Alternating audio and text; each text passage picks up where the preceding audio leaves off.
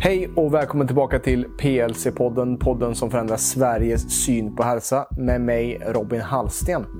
Idag är det ett litet speciellt avsnitt för det är faktiskt första gången som jag någonsin sitter själv här i PLC-podden utan bekvämligheten att ha en kollega eller gäst med mig. Så detta känns lite pirrigt och eh, spännande på samma gång att sitta här själv med en monolog den här gången, detta avsnittet. Och vi får se om detta är ett koncept som vi kommer också fortsätta med framöver att trycka in något sånt här avsnitt ibland också såklart. Men i alla fall, temat för detta avsnittet, den här monologen som jag kommer att dela med mig till dig här idag handlar just om en vanlig sak som jag ser kring de klienter som vi jobbar med vecka ut och vecka in. Det är ett ämne som kommer upp i vart och vartannat samtal just eh, kring prestation. Eller att man eh, ligger lite på ett överskott av energi som går ut till saker och att man hela tiden gör för mycket och har svårt att säga nej till andra saker. Ett litet eh, koncept som jag har myntat under det här senaste året när jag jobbat mer intensivt här med PLC är just att eh, det finns eh, på de här klienterna som vi pratar med, finns oftast på deras axel brukar jag säga, en liten prestationsnisse som vill göra gott ifrån sig och att också Kanske man gör de här sakerna kring prestation för att få bekräftelse från annat håll för att det är ett sätt som man validerar sin existens genom. Eh, och detta är också något som jag ser att vi jobbar med många som går väldigt mycket all in och vill göra väldigt mycket. Typ A-personligheter. Och också folk som man kanske kan klassa in i just det här duktig pojke, duktig flicka syndromet.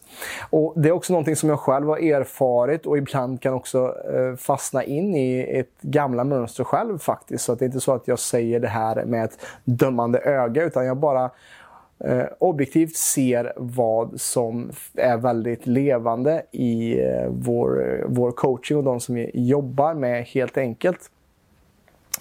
Och eh, ofta så är det ju så att det är ett problem eh, för många klienter för att man kanske har svårt att säga nej, man kanske har svårt att ligga på bromspedalen och man har svårt för att ta det lugnt. För att vem är man när man inte gör någonting? För också vårt samhälle som vi lever i idag eh, ligger lite på högsta växeln alltid. Vi är eh, i vår samtid så är det nästan som att vi ligger i overdrive och att vi ligger i vänsterfilen på motorvägen, inte 110 utan i 140 knyck jämt och ständigt och att det finns väldigt lite utrymme för att stanna upp och reflektera. Eh, detta skapar mycket stress och det är väl det som jag ser är den stora delen och gemensamma faktorn för många av dem vi jobbar med. Jag skulle säga att de flesta har inte för lite stress utan mycket av deras problem eh, bottnar i att det är för mycket stress och för mycket att stå i och att man har för många åtaganden och för lite tid till sig själv. Att man offrar sin egen tid för att ta hand om andra eller göra andra projekt och att fylla sitt schema till 100 procent. Och drar man en parallell här till eh, nervsystemet, eh, till exempel eh, om vi kollar på sympatikum ver, versus eh, parasympatikum, så är det ju så att, som jag ser också, där, som jag sa här, att samhället ligger i overdrive. Och vårt eget del av nervsystemet är ju sympatiska nerv, delen av nervsystemet, som är mer det här skrik och panik, som min kollega Viktor brukar säga, fight and flight som man säger på engelska. Att vi ligger konstant i den. Många ligger konstant i den utan att stanna upp och komma tillbaka till parasympaticus. Eller det är därför vi snackar mycket om till exempel det här work-in eller hur viktigt det är att ta hand om sin sömn som många kanske kompromissar med för att man ska hinna med annat. Och det leder ju på lång sikt till att man kanske hamnar hos oss som klient eh, med väldigt mycket stressrelaterade problem. Så att det är viktigt att också tänka på, just när det kommer till nervsystemet, också att hitta bromsande aktiviteter. Att, att också ifrågasätta också det här beteendet som många kanske har när det kommer till prestation. Som jag ser det i mitt, mitt egen, i eget fall så eh, ser jag att det kommer ganska djupt från min barndom. Att de sakerna som jag har jobbat med just kring prestation, att kommer från en familj, en eh, bondefamilj som alltid jobbat hårt och att man också eh, lagt sitt värde i vad man skapar eller vad man ger genom sitt arbete till familjen oavsett om det är lantbruk eller i, i företagsamhet. Då. Att, eh, det är oftast det och det ser jag också går mycket med dem jag snackar med också med klienter att det är där man får det ifrån ofta. Man får Eh, man kanske har kvar ett gammalt beteende från sin barndom när man fick bekräftelse eller validering av sin existens genom vad man gjorde och vad man skapade. Och på så sätt fick beröm av nära, kära och föräldrar till exempel. Och eh, det är väl det som jag ser också just att det har gått från att, eh, att det är skillnad på görandet och, att, och varandet. Att många idag eh, hitta sin identitet i att ständigt göra saker och ständigt vara aktiva eller eh, uppehållna med en aktivitet för att just eh, identifiera sig själva. Och vem är man utan det här gör, ständiga görandet. Det är därför många har svårt för meditation, många har svårt för yoga. För att vem är man när man bara sitter still med sig själv i sina egna tankar och varandet här? Eh, och det kan bli en eh, väldigt abrupt slut eller en sorts kris när man kanske har gjort för mycket, man har bränt stubinen i bägge ändar för länge och man tvingas helt enkelt av sin kropp att eh, sluta hålla på som man gör för att man kanske går in i den berömda väggen för att man ligger för mycket på det här görandet. Och jag tycker det är intressant när man kollar på det engelska ordet för mänsklig varelse, alltså human being, alltså being, att vara. Och i dagens samhälle så är vi mera åt human doing, att vi är mänskliga görande, att vi gör saker hela tiden. Jag vet inte om ni riktigt förstår vad jag menar kring den där, men just att vem är vi när vi inte skapar? Vem är vi när vi eh, tillåter oss själva att ta det lugnt? Och kan vi tillåta oss själva att ta det lugnt utan att känna skam eller skuld för att vi inte skapar och är produktiva? Jag brukar också säga det att när det kommer till yoga och meditation, varför jag håller på med det så mycket och varför jag eh, skriker från eh, så högt jag kan om det, är just för att jag ser hur mycket det har betytt för mig i mitt egna liv att ju mer jag reflekterar och tar det lugnt, desto mer är det som att jag spänner bågen bakåt. vet, om man ska skjuta en pilbåge så måste man spänna bågen bakåt för att propelleras fram, eh, för att få pilen att pro, pro, gå som en projektil framåt. Och vad många inte inser är att man måste ta de här stegen bakåt ibland för att hämta energi. Annars så går det snabbare till att vi bränner ut oss och eh, gör oss av med vår energi helt enkelt. Och Många underskattar också vad de här små stunderna kan göra av att ta det lugnt och att vara mer i parasympaticus och att det kan göra att vi mer hållbart. Vi kollar ju mycket på PLC hur man kan hålla i längden och inte bara i det korta loppet för en quick fix. Så att det är också viktigt att ge sig tid till att eh, bygga upp energi helt enkelt.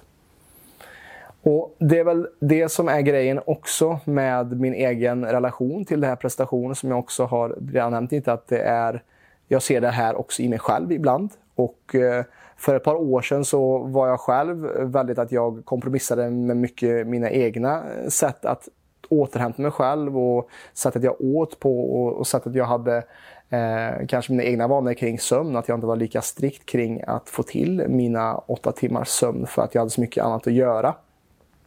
Och det var för att jag själv också la så mycket eh, fokus på vem jag var genom vad jag gjorde och därför jobbade jag eh, 50 timmar i, i det jobbet jag hade. Eh, jag var eh, styrelseledamot i bostadsrättsföreningen där jag bodde. Jag var body balance-instruktör på, på gymmet, det lokala gymmet som jag var på. Och jag hade också ett annat projekt, eh, ett passionsprojekt kring en löpartävling som jag gjorde också eh, när jag hade tid över. Och som ni hör här, under den här tiden av mitt liv så hade jag inte så mycket tid över till mig själv, att ta hand om mig själv. Och detta gjorde att jag sakta men säkert eroderade mig själv och att sakta att min flamma dog nästan. Och jag var på gränsen till utbrändhet och utmattning eh, när jag kom på detta, som tur var. Och kunde sakta men säkert komma tillbaka. Men många förstår inte när signalerna kommer och många kör på rätt in i väggen. Och detta som jag sa, detta kan grunda sig i olika saker men främst så ser jag det i de klienterna som jag jobbar med till exempel att det är mycket för att man lägger mycket fokus framförallt på att man, eh, precis som jag också gjorde, att jag hade mycket inom mig. Jag kände som att jag hade ett hål inom mig som jag behövde fylla med någonting. Och tänkte att åh, om jag känner den här tomheten inom mig så kan jag eh, väga upp den genom att göra saker utanför mig själv, externt, för att visa alla andra omkring mig hur bra jag var i deras ögon. Istället för att uppskatta mig själv, som jag sa här då, så gjorde jag saker utanför mig själv och tog, eh, gjorde så mycket jag kunde på utsidan för att visa för andra mitt värde istället för att uppskatta mitt egna självvärde. Så lite det som jag ser också som ett motgift till det här konstanta görandet är också att försöka hitta sig själv i detta. Varför gör jag detta? Och att också komma tillbaka till varandet istället för att ständigt göra saker. Att många gånger kommer den här eh, kanske överaktiviteten till att man måste göra saker ständigt kommer från att man inte känner att man är riktigt bra man, man, man, tror inte på att man är bra nog och därför vill man bevisa sig själv för sig själv och för andra genom att prestera. Och eh, Vad jag märkte under min resa gång, resas gång var att ju mer jag gjorde, desto mer eh, blev det en intensiv jakt på mera och mera och mera tills dess att jag var nära på att gå in i väggen. Då. Så det är väl det jag vill lämna dig med från det här avsnittet också. Varför gör du saker i ditt liv kring prestation? Kommer det från en känsla av att du känner dig hel? Eller kommer det från en känsla av att du inte känner dig hel och att du vill validera och få bekräftelse från andra för att visa på hur bra du är genom bekräftelse från andra? Eh, och där är det en jättestor viktig eh, skillnad där. Att Kommer vi från en känsla av eh, överflöd och kärlek, att vi gör saker för att vi verkligen vill det och att vi brinner för det? Eller gör vi saker och presterar för att det kommer från en känsla av rädsla och att vi inte har nog och för att vi vill ha mer kärlek och att vi därför söker kärlek eller bekräftelse från utsidan. Så vad tänker du när jag säger detta kring prestation? Jag vill få dig att börja tänka på detta själv, du som lyssnar på detta eller kanske kollar på detta på Youtube. Att vart kommer mina handlingar från? Kommer det från en känsla av överflöd eller kärlek? Eller kommer det från rädsla och att jag inte är nog? Ta med dig den här tankenöten, fundera vidare på detta kanske själv. Kanske skriv ner ett par reflektiva tankar kring detta och ta med dig det framåt. Och eh, kanske dags att borsta bort lite den här prestationsnissen som du har på din axel. För som jag ser är det ett väldigt stort hinder för många för sitt inre välmående. Att visst, man kan jobba med den fysiska kroppen, men om vi inte jobbar med våra tankar och vår mentala hälsa och eh, våra motivationer till varför vi gör saker. Varför har du det här drivet? Kommer det från kärlek eller kommer det från rädsla? Kommer det från överflöd eller kommer det från att du känner att du behöver mer, att du inte är bra nog? Så tänk på det. Eh, och eh, hör gärna av dig vad du tycker kring detta ämnet som jag tycker själv är väldigt intressant att spåna kring. Och eh, om du vill veta mer om oss på PLC så kan du kika vidare om du är nyfiken på mer av våra avsnitt så finns det också mer avsnitt eh, att lyssna på här, både på Spotify och Youtube. Du hittar oss även på Facebook och Instagram. På Premium Lifestyle Club heter vi på de Eh, Eh, sociala medierna. Om du är intresserad av att veta mer om oss så kan du kika in vår hemsida www.plclub.se www.plclub.se alltså för att läsa mer om hur vi jobbar med holistiska eh, livsstilsförändringar för att förändra Sveriges syn på hälsa. Och tycker du att eh, detta avsnitt har varit intressant och att du har tagit åt dig någonting kring detta och kanske fått en snurr kring, eh, snurr i tankarna kring hur du relaterar till prestation. Så dela för all del med dig detta avsnitt till någon när eller kär och eh, så att vi sakta men säkert kan förändra Sveriges syn på hälsa.